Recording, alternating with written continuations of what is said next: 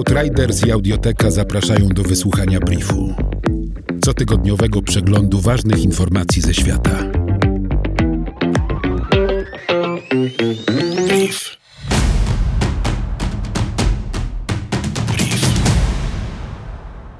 W walce z inwazją szarańczy pustynnej, która z Afryki rozprzestrzeniła się na Azję i Bliski Wschód, pomaga Narodowa Służba Oceaniczna i Atmosferyczna NOAA, amerykańska instytucja rządowa zajmująca się prognozowaniem pogody.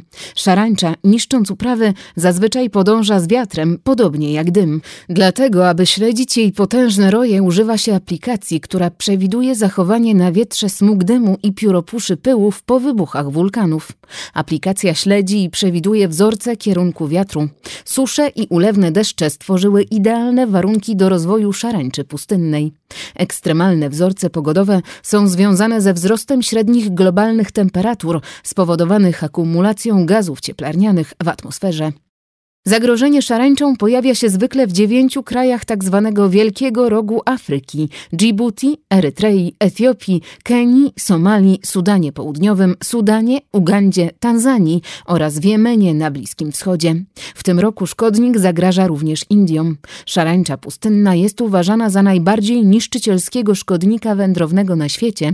Organizacja Narodów Zjednoczonych do spraw wyżywienia i rolnictwa FAO twierdzi, że pojedynczy rój może zająć kilometr kwadratowy powierzchni i składać się nawet z 80 milionów osobników. W Afryce Wschodniej i Jemenie trzeba stosować pestycydy na obszarze do miliona kilometrów kwadratowych powierzchni, aby uniknąć kryzysu żywnościowego. Podczas plagi szarańczy pasterze w Kenii zmagają się z głodem i konfliktem o coraz słabsze jakościowo tereny do wypasu bydła. Kenia przeżywa najgorszą inwazję szarańczy od 70 lat.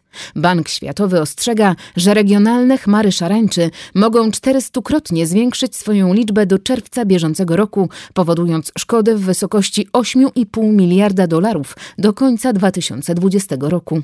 Pasterze w Etiopii, Sudanie i Kenii są najbardziej narażeni na straty.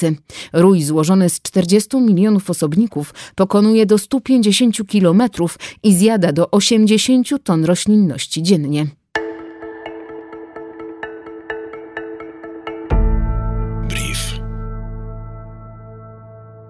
Podczas starcia między chińskimi i indyjskimi żołnierzami przy przejściu granicznym na Kula w stanie Sikkim w Indiach rannych zostało siedmiu Chińczyków i czterech Hindusów. W wymianie ciosów wzięło udział kilkudziesięciu żołnierzy obu armii.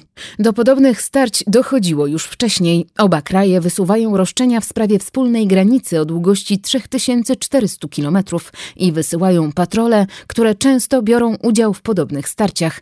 Jednak w ciągu ostatnich 40 lat nie doszło do potyczki z użyciem broni palnej.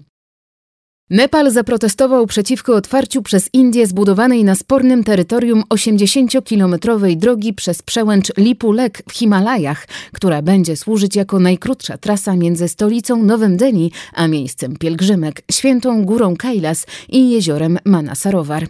To również jeden z najkrótszych i najbardziej dostępnych szlaków handlowych między Indiami a Chinami. Władze Nepalu uważają, że droga przechodzi przez terytorium ich państwa. Żołnierze armii indyjskiej zastrzelili młodego mieszkańca Kaszmiru na jednym z punktów kontrolnych na obrzeżach Srinagaru, miasta w administrowanym przez Indię Kaszmirze. Incydent spowodował wybuch zamieszek antyindyjskich w tym spornym regionie. Setki mieszkańców rzucało kamieniami w żołnierzy, którzy strzelali z broni śrutowej i użyli gazu łzawiącego, aby stłumić protesty. W ostatnich tygodniach bieżącego roku Chiny i Stany Zjednoczone zwiększyły częstotliwość manewrów marynarki wojennej na Morzu Południowochińskim.